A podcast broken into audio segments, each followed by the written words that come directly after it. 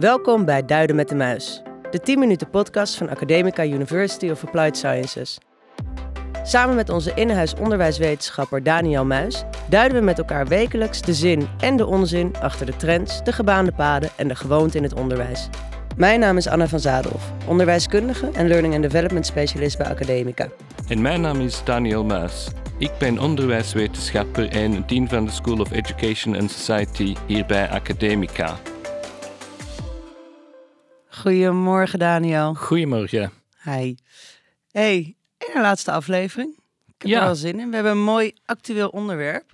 We gaan het hebben over het Nederlands curriculum in het primair onderwijs. Beter bekend als de kerndoelen. En eh, sinds 2019 werd er ook gewerkt aan een herziening van het curriculum. Wat is uitgemond in curriculum.nu. Waar Dennis Wiersma afgelopen 4 april de stekker heeft uitgetrokken. En jij noemde dat net al.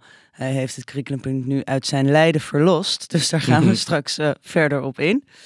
Hij wilde focus leggen op periodiek curriculumonderhoud. Na de zomer volgt hiervoor een advies. En tot die tijd legt het OCW de focus op de basisvaardigheden en het oplossen van eigenlijk de meest dringende knelpunten voor docenten en schoolleiders die kerndoelen met zich meebrengen.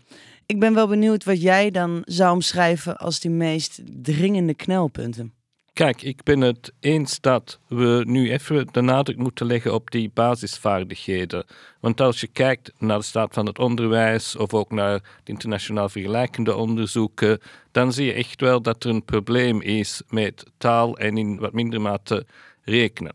En daar moeten we in de eerste instantie iets aan doen. Want het heeft weinig zin om over een breed curriculum te spreken als je niet de middelen hebt om toegang te krijgen tot dat curriculum. En dat is lezen en dat is rekenen. Dus die dingen eerst op orde brengen.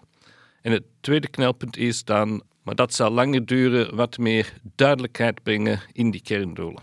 Ja, want het meest dringende knelpunt van het onderwijs, dat is denk ik inderdaad duidelijk, ook met de staat van het onderwijs, dat twee weken geleden is uitgekomen dat de basisvaardigheden niet op orde zijn bij Nederlandse leerlingen. Daar worden verschillende oorzaken benoemd. En jij zegt een van de oorzaken zit in het curriculum. Dat Ja. is een knelpunt uit het curriculum. Het is gedeeltelijk een knelpunt uit het curriculum, zeker. En daarbij gaat het erom om ervoor te zorgen dat we op die basisvaardigheden doelen hebben die voldoende ambitieus zijn en voldoende duidelijk zijn. Dus dat scholen weten wat ze doen, dat we weten waar we naartoe werken en dat we er ook voor zorgen dat we dat eigenlijk een beetje internationaal ook benchmarken, zodat we niet achter gaan raken op andere landen in de wereld. Dus daar moeten we aan werken. Dus dat is een curriculumprobleem. Het is natuurlijk niet alleen een curriculumprobleem, want een goed curriculum wil zeggen dat je de juiste inhoud aanbiedt, maar dat wil natuurlijk niet zeggen dat de leerlingen het ook leren. Dat hangt natuurlijk ook heel erg af van de didactiek, van de pedagogie, dus dat moet ook op orde zijn. Ja, ja er is een hoop te doen. eh. Ja, ja, zoals altijd allen. in het onderwijs. Dus wat je eigenlijk zegt is, die kerndoelen die zijn gezamenlijk niet gefocust genoeg op goede basisvaardigheden aanleren bij leerlingen. Dat is niet, niet scherp genoeg voor docenten. Ja. We hebben, we hebben een aantal onderwijsprofessionals inderdaad ook gevraagd van hoe werk je nou met die kerndoelen en hoe is het voor jou om daarmee te werken. Dus daar wil ik even naar gaan luisteren. Nou, de kerndoelen zijn behoorlijk onduidelijk. We hebben ze eigenlijk goed bekeken en gezien wat er allemaal in zit. En dan zie je dat ze voor velerlei uitleg eh, mogelijk zijn.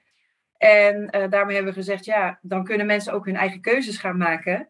En het is juist belangrijk om die kennis heel duidelijk naar voren te brengen. Van ja, wat willen we nou dat kinderen weten? Wat willen we dat kinderen aan kennis hebben op het moment dat ze de basisschool verlaten? En eh, ja, dan is het ook wel belangrijk dat die kennis heel duidelijk gedefinieerd wordt. En dat het niet een keuze wordt aan leerkrachten van, oh, nou, ik pik er dit uit, want dit ligt mij goed. Of eh, laat dat maar zitten, want daar weet ik weinig van. Dus ehm, ja, het is belangrijk dat ze een duidelijke omschrijving geven. En dat misten we tot nu toe. Dus een antwoord geven op de honger naar kennis. Kijk, je werkt terug, hè? dus het backwards design eh, principe. Dus je hebt met elkaar scherp eh, waar je naartoe werkt, wat je kerndoelen is. Maar hoe je dat doet, ja, dat bepaal je als team eh, leraren met elkaar. Ja, dat zijn denk ik ook heel pertinente opmerkingen van onze onderwijsprofessionals. En zij zien inderdaad ook dat er te weinig duidelijkheid zit in die kerndoelen. En dat is een probleem voor het backwards design. Want wat je dan ziet is dat door die onduidelijkheid ga je eigenlijk de methodes gebruiken om de gaten op te vullen. En die vervangen dan in zekere mate het curriculum. En dat is soms wel een probleem. Die alignment is niet altijd perfect. Je ziet bijvoorbeeld dat er in sommige methodes best wel dingen staan die eigenlijk niet goed tot de doelen leiden. Maar dat is ook niet verbazend, omdat die doelen op zich niet duidelijk genoeg zijn ik zou zeggen dat onderwijsontwikkeling echt een ander vak is dan onderwijs geven. Dat docenten moeten kunnen vertrouwen op dat methoden zijn ontwikkeld op basis van de kerndoelen, dat dat naadloos aansluit. Dus dat als ze de methode juist selecteren, dat ze dan automatisch tot die kerndoelen komen. Ja en nee.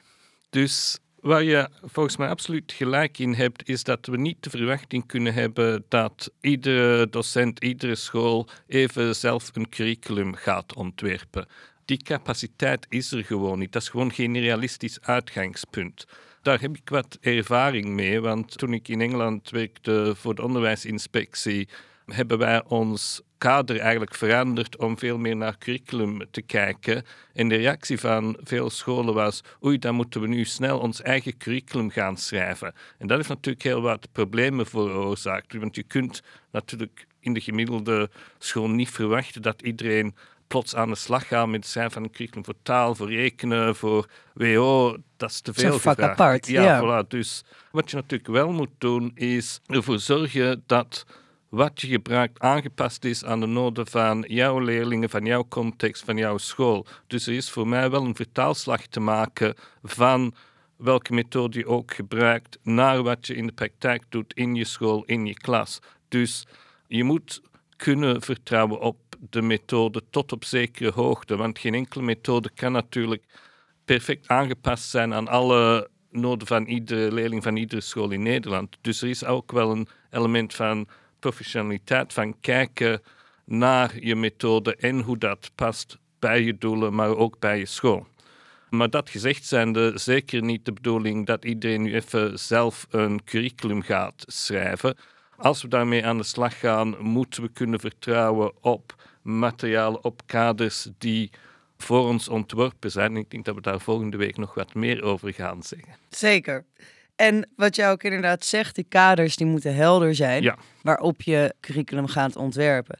En een van de terechte knelpunten die wordt genoemd in de kritiek die inderdaad uit de onderwijs komt, die jij ook noemt, is dat het vaag is. En ik heb ook even kerndoel 1 erbij gepakt van het basisonderwijs.